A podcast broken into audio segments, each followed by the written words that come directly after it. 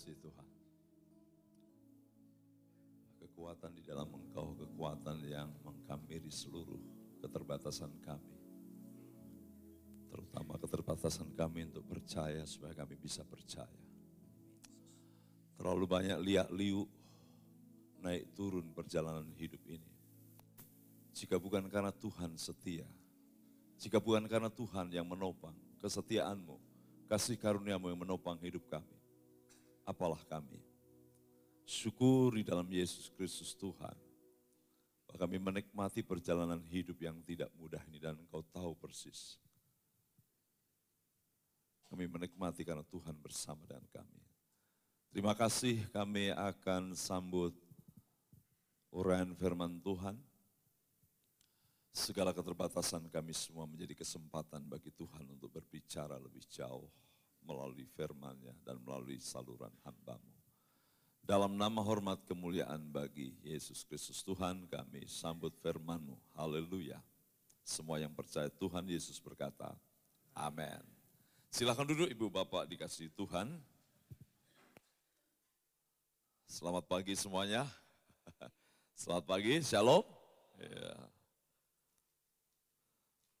ya memang saya cukup merasakan kalau jemaat-jemaat yang hadir pagi ini memang ujiannya luar biasa karena pasti range bangunnya antara jam 4 sampai jam 5 kemungkinan itu ya.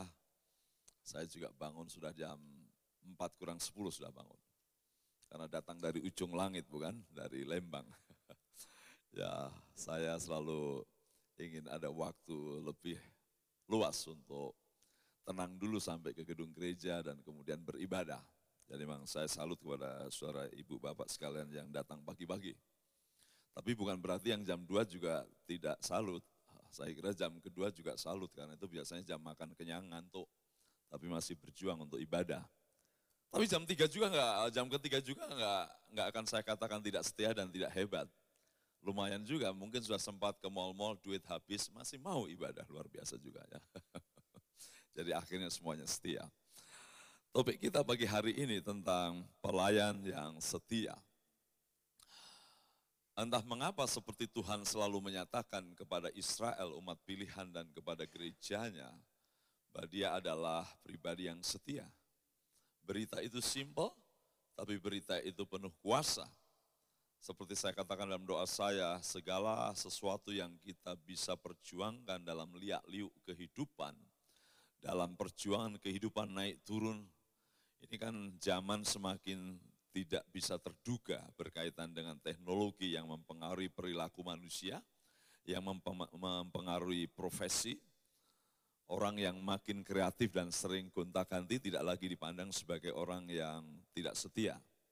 Dipandang sebagai orang yang selalu bisa menangkap dinamika zaman. Ya, Lalu bagian apa yang kita akan uji bagi orang-orang pada zaman yang selalu berubah, serba berubah, serba ingin sesuatu yang baru, cepat bosan, ya. Cepat gonta-ganti suasana. Kalau dulu orang bangun rumah dibeli, kalau bisa diawetkan dan diperbaiki, sekarang dibongkar kalau boleh baru lagi. Ya. HP dari generasi termuda sampai generasi 13 kalau boleh bukan belum tentu gengsi tapi mungkin bosan. Kita ada di dunia yang memang menantang kita untuk tidak setia karena perilaku kehidupan dan teknologi. Apakah itu mempengaruhi berimbas kepada komitmen kita pada Kristus? Belum sampai satu tahun kita sudah disuguhi berita yang sangat menarik. Walaupun menarik negatif ya, dua orang hamba Tuhan yang gugur dalam komitmen melayani Tuhan, bukan hanya komitmen melayani, tetapi loss, ya, kehilangan iman. Kata dia, saya tidak beriman lagi sebagai orang Kristen.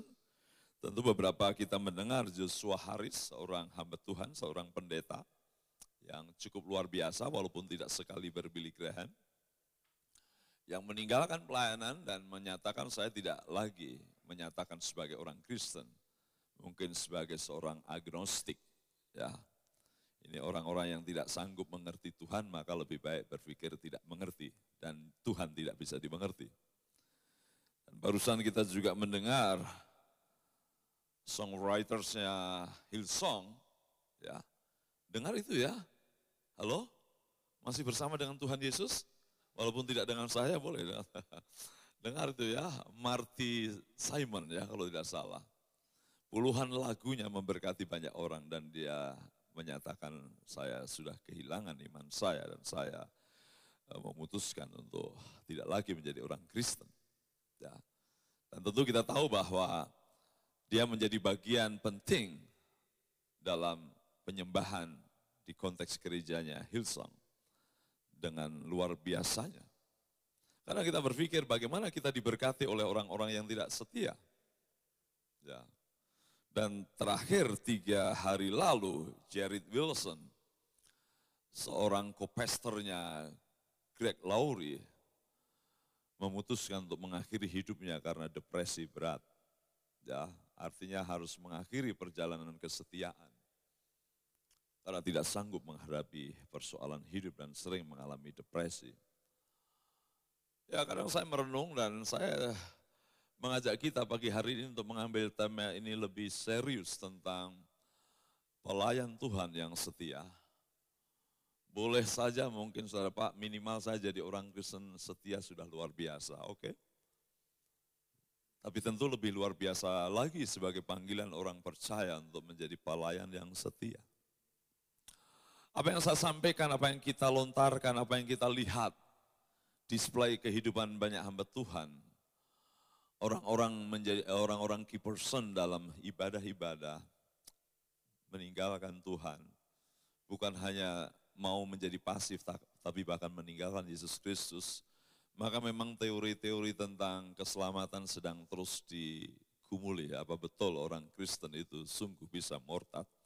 Atau orang Kristen itu di antaranya bukan sungguh orang Kristen? Di Cimahi kurang lebih ada dua ribuan orang Kristen tidak mau lagi datang ke gereja. Ya. Silakan saudara merespon ini sebelum kita renungkan firman Tuhan, apa yang harus kita pikirkan. Kadang kalau saya mencoba untuk mempressure saudara untuk ayo lebih setia lagi. Uh, saya lebih baik mengajak kita melihat teladan dan kuasa Tuhan untuk kita bisa menjadi setia. Ya. Saya bersyukur ada di tengah-tengah kampus yang kebanyakan hamba Tuhan, abdi Allahnya. Abdi Allah in Kristo. Itu masalah ucapan. Yang sudah melayani 30 tahun, 40 tahun, ya tidak hengkang dari tiranus, saya bersyukur ada suasana kondusif yang membuat tidak mudah orang hamba Tuhan di dunia teologi datang dan pergi. Kayak percintaan ya. Kau datang dan pergi. Banyak sekolah seperti itu, banyak gereja seperti itu. Kau datang dan pergi. Pagi hari ini ketika saya melihat beberapa teman yang sangat senior dari tahun 94 mengunjungi di sini dulu kap ya Pak ya. Masih cukup banyak setia ya, banyak wajah-wajah yang awet banget sebagai ekspresi kesetiaan. Bukan diawetkan, awet banget ada kesetiaan. Ya, pelayan yang setia. Mari kita buka bagian firman Tuhan yang disampaikan, disodorkan kepada saya Filipi pasal 2 ayat 25 sampai ayat 30. Ibu Bapak yang dikasih Tuhan, Filipi pasal 2 teladan dari Epa Epafras atau Epofrid. Saya suka ungkapnya itu sebabnya Paulus tulisannya memakai istilah apa namanya Epafras saudaraku ya. Filipi pasal 2 Epafroditus, teladan Epafroditus. Filipi pasal 2 ayat 25 sampai ayat 30. Pelayan yang setia, saya akan membagikan pada kita semua, nanti saya akan menguraikan sejauh sedekat mungkin apa yang firman Tuhan sampaikan. Demikian bunyi firman Tuhan Filipi pasal 2 ayat 25 sampai 30. Siap semuanya? Siap semuanya? Amin. Ya. Demikian bunyi firman Tuhan. Sementara itu, kuanggap perlu mengirimkan Epaphroditus kepadamu, yaitu saudaraku, saya senang frasa ini, dan teman sekerja, serta teman seperjuanganku, yang kamu utus untuk melayani aku dalam keperluanku Karena ia sangat rindu kepada kamu sekalian. Dan susah juga hatinya, sebab kamu mendengar bahwa ia sakit. Memang benar ia sakit dan nyaris mati, tetapi Allah mengasihani dia dan bukan hanya dia saja. Melainkan aku juga supaya duka citaku jangan bertambah-tambah. Itulah sebabnya aku lebih cepat mengirimkan dia, supaya bila kamu melihat dia, kamu dapat bersuka cita pula dan berkurang duka citaku. Jadi sambutlah dia dalam Tuhan dengan segala sukacita, dan hormatilah orang-orang seperti dia. Sebab oleh karena pekerjaan Kristus ia nyaris mati dan ia mempertaruhkan jiwanya untuk memenuhi apa yang masih kurang dalam pelayananmu kepadaku. Haleluya.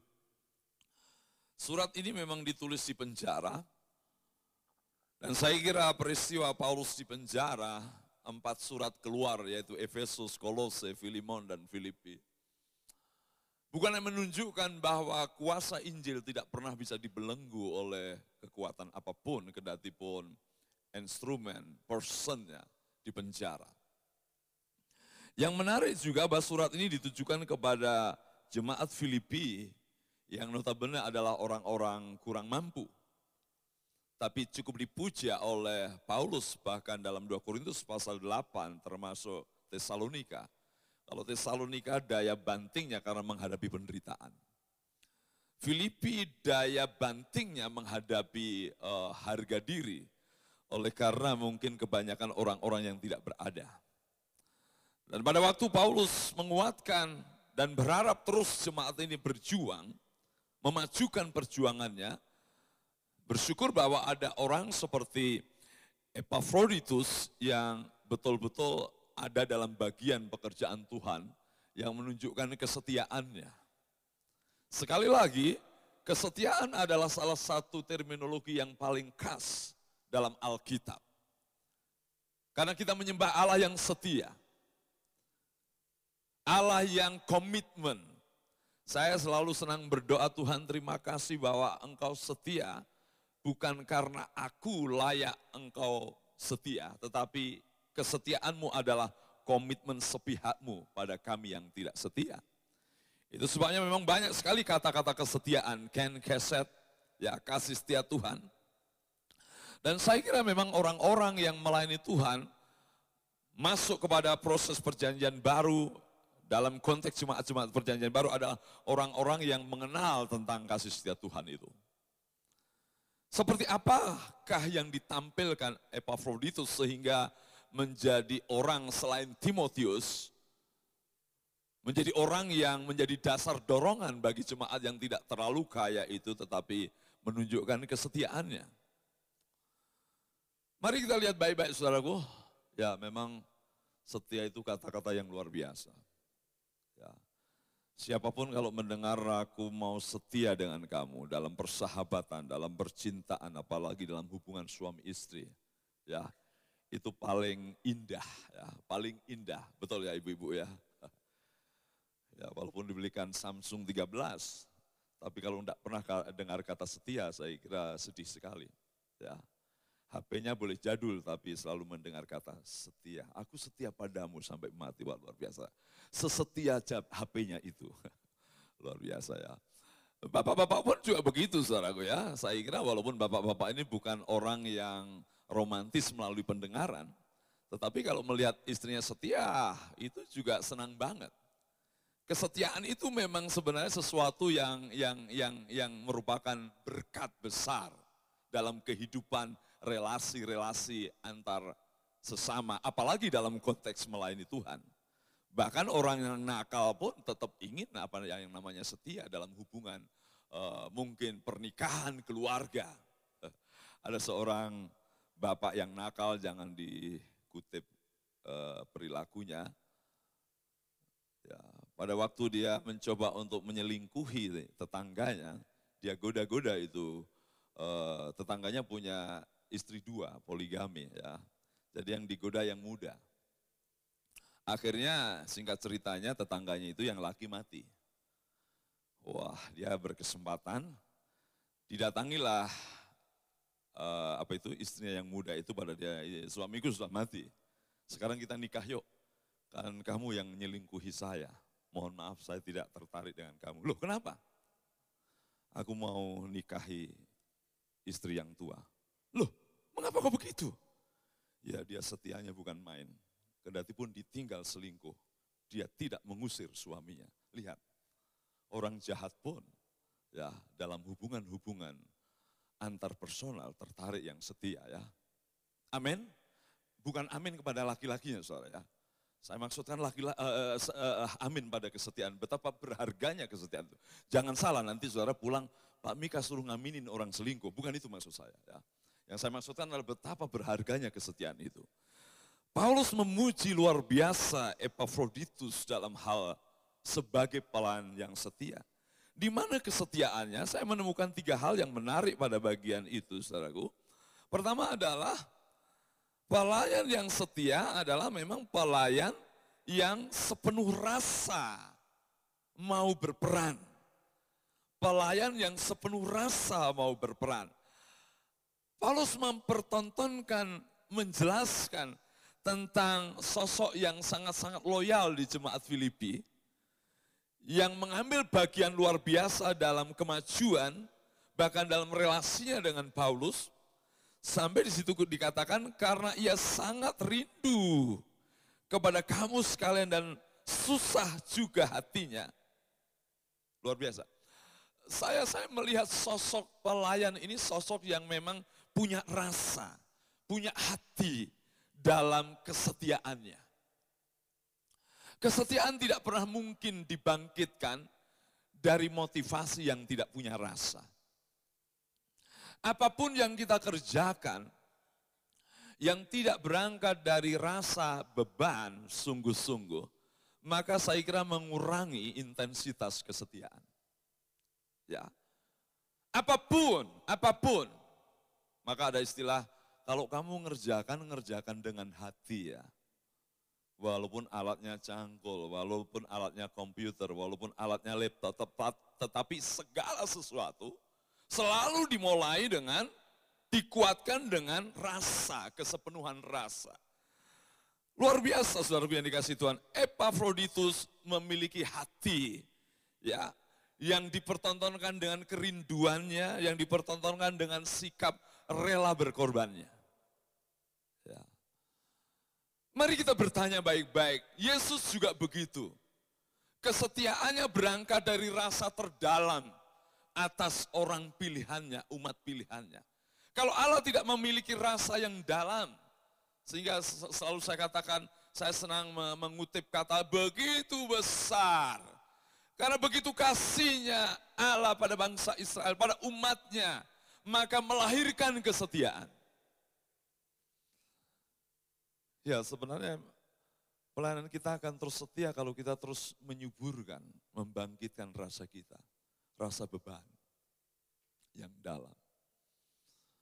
Pada waktu kita mendengar banyak orang berjatuhan, mungkin ada orang dikuatkan ya, mungkin saya harus mengoreksi pelayanan saya. Tapi sebenarnya apa yang saya sampaikan dan ibu bapak dengar tadi, sebenarnya terus me me menyentuh rasa saya Tuhan akan berapa banyak orang meninggalkanmu dan tidak melayanimu dan menjadikan pelayanan itu compang camping. Saya tidak saya tidak netral, saya tidak tidak selalu bersih dari suasana hati yang yang yang memang bergejolak dalam pelayanan yang saya lakukan. Mungkin di Tiranus juga. Sorry kadang ada perasaan Tuhan mengapa begini? Mengapa ada banyak persoalan? Apalagi dulu pada zamannya sebelum Yogi, utusan dari Isa Al-Masih masuk, ada 12 mahasiswa kita berhentikan karena kasus moral. Ya, saya tidak mencoba untuk menakut-nakuti masuk sekolah tinggi teologi, tapi saya mencoba meyakinkan bahwa melayani Tuhan harus dengan rasa sepenuh-penuhnya. Kalau tidak ada, tidak ada komitmen itu, tidak ada kekuatan. Banyak sekolah tinggi teologi hanya berdasarkan IP, berdasarkan sering melayani, jarang. Apakah kamu sungguh dipanggil Tuhan? Apakah kau sungguh punya hati untuk Tuhan? Kalau enggak, kalau enggak pasti kamu berhenti di tengah jalan. Dan betul 12 yang kami SK itu, Kebanyakan mereka tidak punya hati, punya beban bahwa saya ingin mengasihi banyak jiwa.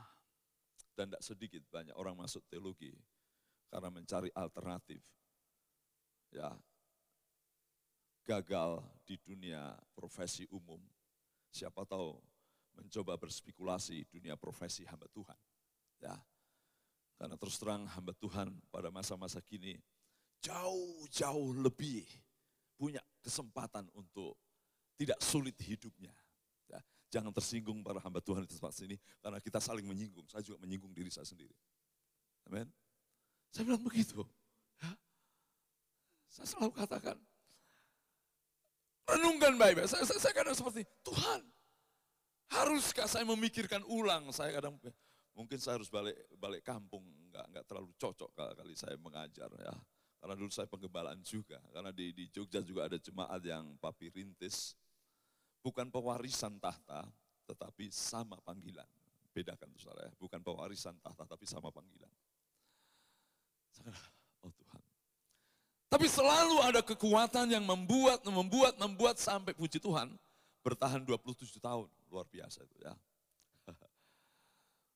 Dari uh, celana big boss sampai slim fit kita alami itu ya. Apa yang membuat saya terus kembali, saya merenungkan kembali. Dan kalau dilihat kampus kami bukan kampus yang mentereng. Lebih tepat lingkungannya Taman Eden uh, eh, KW, ya Taman Eden KW. Hijau di situ, mungkin Pak Paulus juga banyak teman tahu, gedek banyak di situ. Jadi memang mahasiswa kalau ke kota agak underdog. Kampusnya di mana? Di bilik toilet, karena memang banyak sekali, banyak sekali eh, ruangan itu.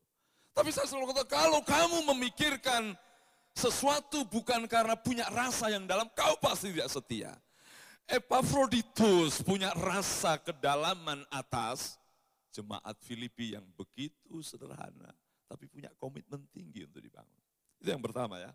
Kesetiaan harus bangkit dari kesepenuhan rasa. Semua pelayan Tuhan juga, pemain musik, paduan suara. Kita kadang bisa bergeser juga ya, saya salut dengan ibu-ibu yang sudah senior-senior ya, yang sudah bercucu. Saya saya punya menantu aja belum ya.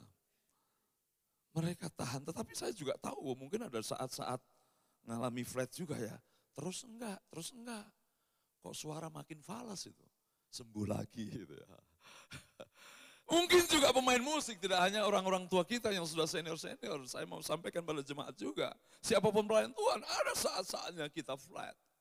Dan kita seperti goyang kesetiaan kita, tapi saya selalu yakinkan. Kalau engkau mengerjakan segala sesuatu dengan kesepenuhan rasa, Anda akan bertahan. Yang kedua, Epaphroditus, saudaraku yang dikasih Tuhan, komitmen kesetiaannya luar biasa. Terbukti dari kesediaannya bahkan sampai mau mati, saudaraku ya. Saya senang saya tentu kaitkan Sebab kamu mendengar bahwa ia sakit. Kemudian dikatakan lebih jauh ayat 27, memang benar ia sakit dan nyaris mati. Ya, Memang ada kata yang menarik pada bagian uh, eh, 25, kemudian dalam bagian 26, susah itu disebut distress. Ya. Jadi saya melihat bahwa memang Epaphroditus mengalami apa yang disebut sebagai psikosomatis. Tertekannya bukan karena gila, tertekannya karena beban berat. Wajar kadang, kadang hamba Tuhan juga bisa bisa tegang, bukan karena ada problem, tetapi karena saking seriusnya memikirkan pelayanan. Saya sangat yakin.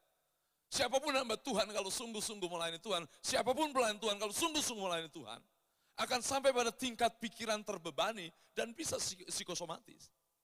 Memang ada psikosomatis oleh karena alasan yang buruk krisis harga diri, atau ya marah tidak selesai, ngantam tubuh. Tapi ini psikosomatis bukan karena buruk, karena beban, karena kesepenuhan rasa, sampai dia hampir mati. Menarik juga hampir mati dan dia tidak meninggalkan pelayanan. Saya mau bilang begini, kesetiaan tidak akan pernah disebut kesetiaan kalau tidak sampai pada ambang batas mau mati atau sampai mati. Kesetiaan apa pun,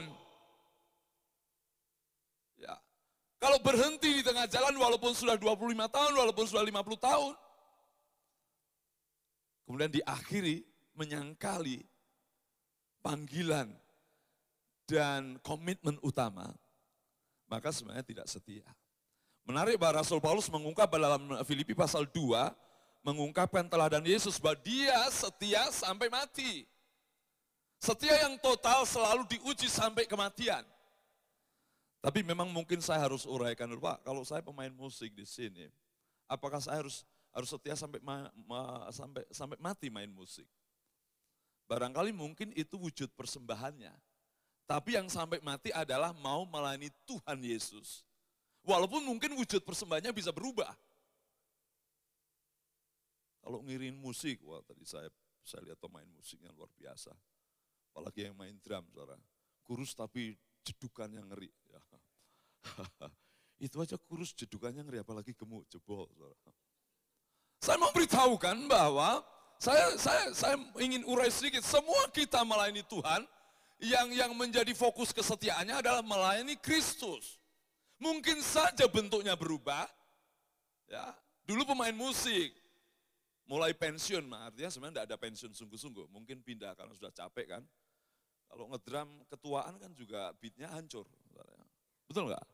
Udah usia 70 eh, main drum ya kasihan ya. Siapkan untuk pensiun.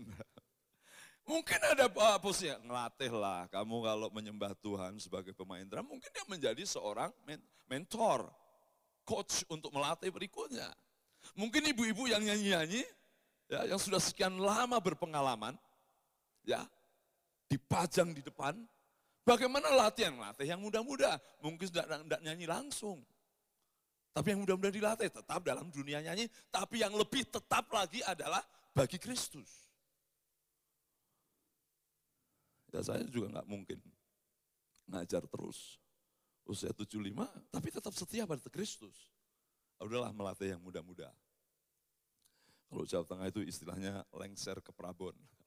Turun tahta. Ya saya nggak mau ya. Sekarang orang-orang sekarang muda-muda, energik, banyak dinamika, banyak wawasan. Lihat baik-baik. Tetap saya akan melayani Kristusnya sampai mati.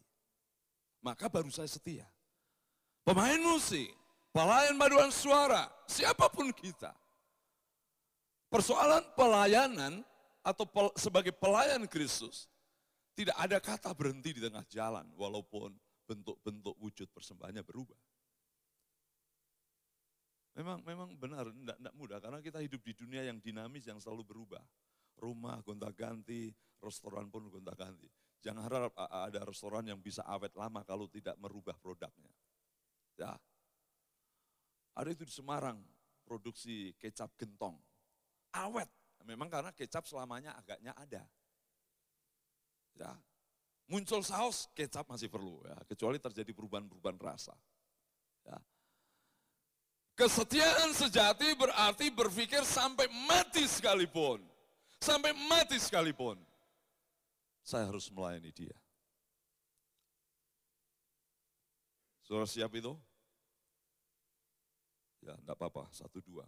Karena orang Jawa biasanya kalau ditanya langsung enggak, tapi hatinya iya, iya Pak, iya Pak, enggak apa-apa. Semua nggak cocok memang. Ada amin itu orang barat. Kalau ngomong ya belak-belakan. Kalau orang timur ada amin, biasanya langsung uh, tutup dada. Iya. Saya juga nggak akan sakit hati, wah nggak ada jawaban saat tantang betul. Karena orang Jawa jawabnya itu nggak ngomong. Tahu-tahu makannya habis gitu aja. Ya. Jadi pelayan yang setia selalu berorientasi, berorientasi sampai pada kematian sekalipun. Walaupun Epaphroditus eh, mengalami psikosomatis yang positif, saking beratnya memikirkan, saking sungguh-sungguhnya melayani Tuhan, maka dia siap mati. Tidak takut dan dia tidak, aduh, kalau begini ku pikiran ulang apakah aku melayani kok mau mati saya. Justru Paulus mengatakan hampir mati, Tuhan tolong dia, malah bersemangat. Dan bahkan dia diutus jemaat Filipi untuk mendatangi eh, Paulus di penjara Roma, cukup jauh itu. Ya, mari kita bersama-sama, saya juga merenungkan, saya juga selalu ngomong karena saya, terus doakan papi. Di tengah-tengah banyak hamba Tuhan berguguran, kecewa, merasa tidak dijawab Tuhan, terus kamu berdoa untuk papi juga. Supaya papi sampai akhir kematiannya well done. Well done. Amin. Karena Yesus juga well done sampai kematiannya. Berikan tepuk tangan dulu bagi kemuliaan Tuhan Yesus. Saudaraku, mari bangun pekerjaan Tuhan di tempat ini. Jangan sampai kita menjadi orang Kristen gelandangan. Mohon maaf saudara. Ke sana kemari. Cari enaknya, bukan mikirkan penderitaannya. Gereja harus dibangun oleh orang-orang yang punya hati, punya kesepenuhan rasa, punya sikap pokoknya saya akan berjuang bagaimana pekerjaan Tuhan ini maju. Bahkan kalau aku pun sampai bengek-bengek. Luar biasa itu ya. Saya terharu bang, saya ditegur juga membaca Epaphroditus itu. Yang terakhir, sebenarnya tipis-tipis tapi jelas ya. Pelayan yang setia selalu setia menuntaskan karya. Selalu setia menuntaskan karya. Jadi pelayan setia pertama adalah selalu sepenuh rasa atas panggilannya. Kedua, selalu sedia bahkan kalau mati sekalipun. Dan ketiga pelayan yang setia berarti yang setia menuntaskan karya. Perhatikan baik-baik di ayat 30 ya. Luar biasa ini orang hebat sekali. Baru datang ke Paulus, cepat pulang kau. Tapi ya pengennya pulang itu bukan sekedar dipaksa Paulus. Karena dia selalu rindu untuk jemaat Filipi itu. Teguh dan berdiri, mantap. Ayat 30. Jadi sambutlah dia ya, orang-orang seperti ini layak Paulus menyarankan sambut dia, hargai dia. Wajar tuh saudara. Walaupun penghargaan tidak berupa duit, harus dihargai orang-orang yang loyal itu. Ya. Kalau nggak ada orang-orang yang loyal dalam pelayanan, bagaimana mungkin uh, Kia Lengkong besar bertahan sampai sekian tahun? Usia berapa ini Pak ya? Usia berapa? 60. Ih, saya dilewati. Ya memang wajar wong lahirnya duluan, masa mau ngelewatin. Ya. Saya belum sampai 60, luar biasa di tengah-tengah banyak gereja yang datang dan pergi. Ya. Apalagi ada gereja yang model seminggu berdiri karena merasa bisa kumpul-kumpul, orang sakit kumpul, sakit hati bukan sakit karena ingin disembuhkan. Dua minggu kemudian bubar. Ya. Saya selalu katakan kalau gereja tidak dibangun oleh kesetiaan pelayannya yang sepenuh rasa, yang mau mati bagi pekerjaannya, saya amit-amit. Saya tidak akan melihat riwayatnya lebih dari setahun. Ini Pak Mika ini ngancam. Lalu ngancam aja nggak bertobat apalagi ngalus halus. Betul nggak? Yang terakhir tadi pelayan setia, yang setia menuntaskan. Lihat ayat 30. Sebab oleh karena pekerjaan Kristus, ia nyaris mati, diulangi lagi. Betapa Paulus ingin men-show up tentang Epaphroditus, betapa luar biasa pelayan itu, pelayan itu dikatakan. Dan ia mempertaruhkan jiwanya untuk memenuhi, saya senang kata ini, untuk memenuhi apa yang masih kurang dalam pelayananmu bagi atau kepadaku. Luar biasa ini. Jadi ini seperti pelayan Tuhan dalam kaitan uh, apa namanya ya, mediator mediasi antara pemimpin dengan jemaat yang membantu membantu efektivitas dan efisiensi pelayanan sehingga dia selalu berkepentingan dengan orang-orang penting di di di Filipi. Saya senang kata itu. Ia mempertaruhkan jiwanya untuk memenuhi apa yang masih kurang.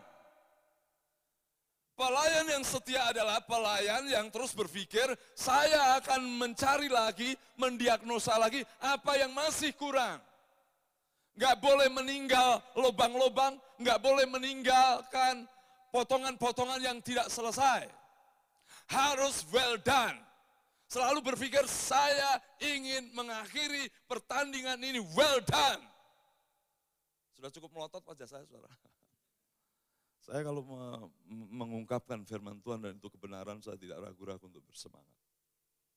Silakan saudara merasa, waduh saya di force secara psikologi. Enggak. Saudara saya force oleh karena pesan firman Tuhan.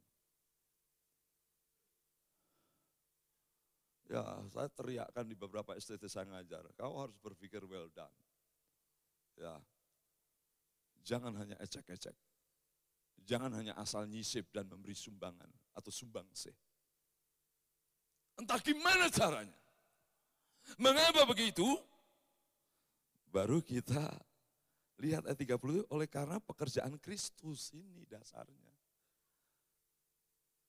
Epafroditus memandang karena apa yang dikerjakan itu pekerjaan Kristus.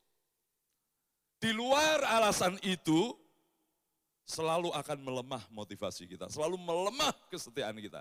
Apa pun yang kita kerjakan ketika berkata karena pekerjaan Kristus, dan Kristus mengerjakan secara tuntas pada pasal 2 disinggung, dia setia sampai mati, maka wajar dan logis setiap orang yang berkata aku melayani Tuhan selalu berpikir yes, penuh rasa, berani mati, bahkan harus well done.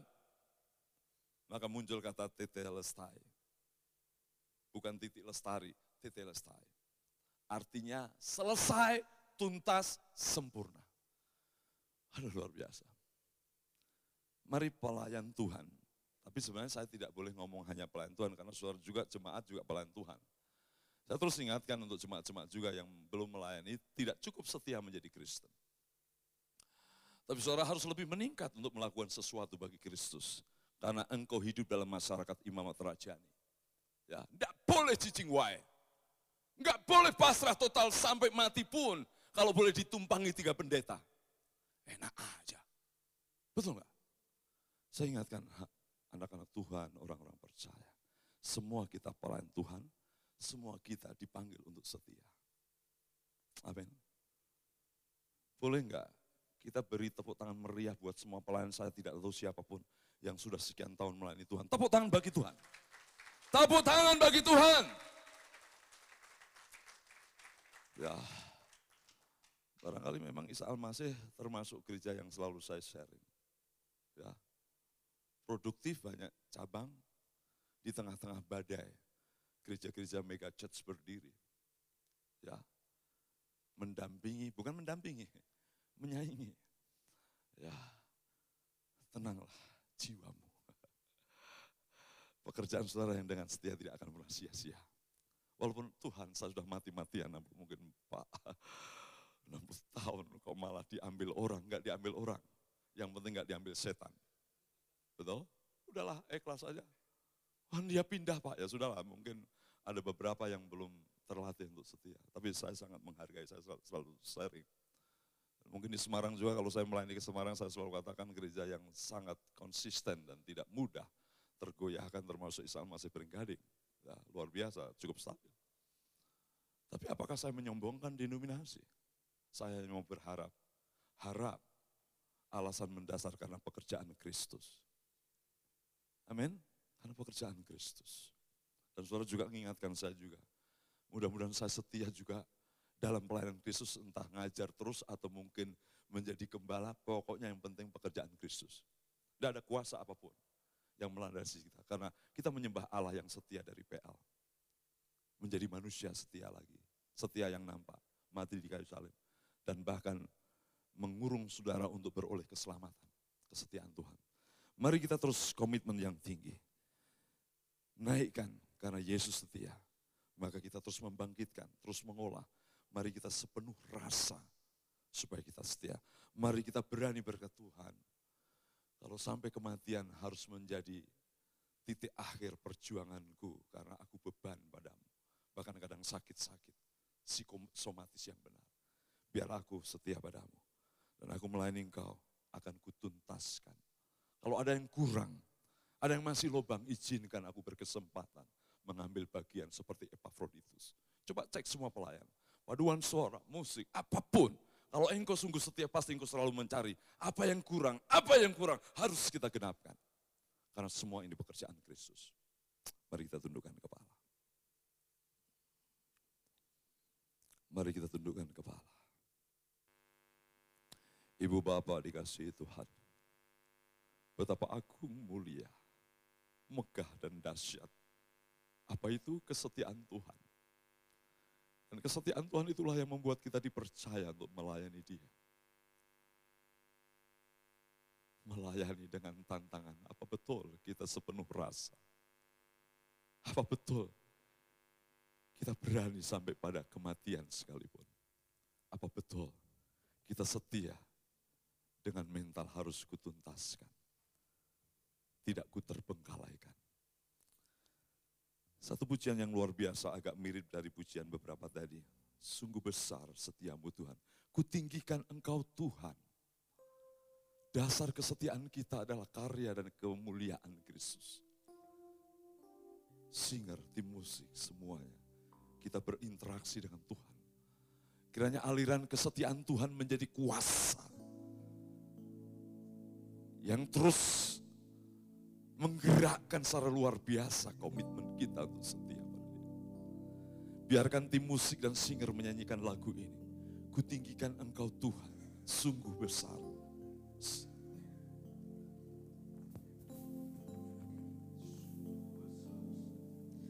Sungguh besar setiamu Biarkan musik, singer, worship leader menyanyikan. Ibu bapak tundukkan kepala. Nyata di sepanjang hidupku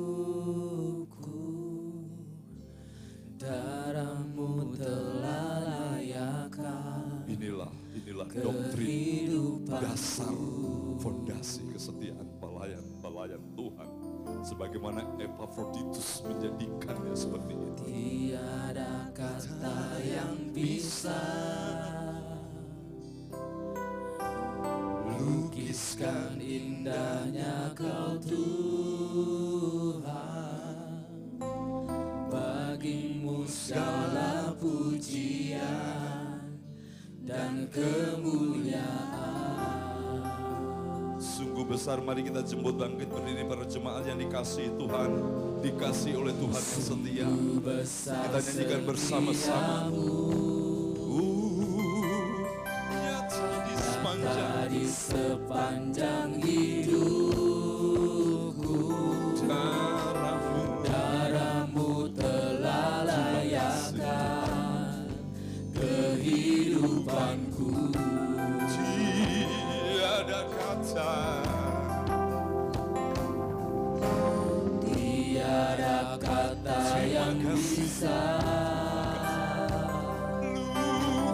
Lukiskan indahnya kau Tuhan Bagimu segala pujian dan kemuliaan Oh, ku tinggikan mari kita angkat tangan kita berikan kemuliaan bagi Tuhan.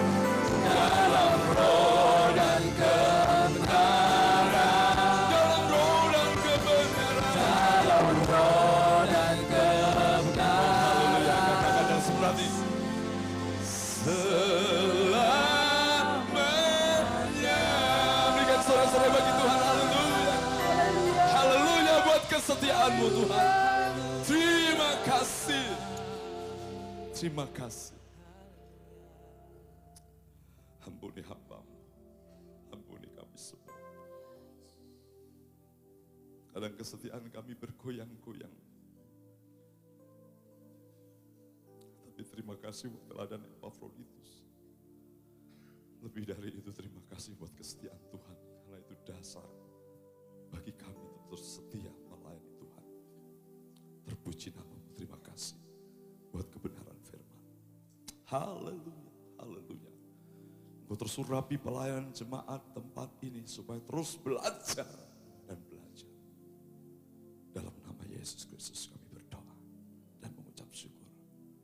Semua yang bersetuju berkata, Amin. Tepuk tangan bagi Tuhan, silakan duduk.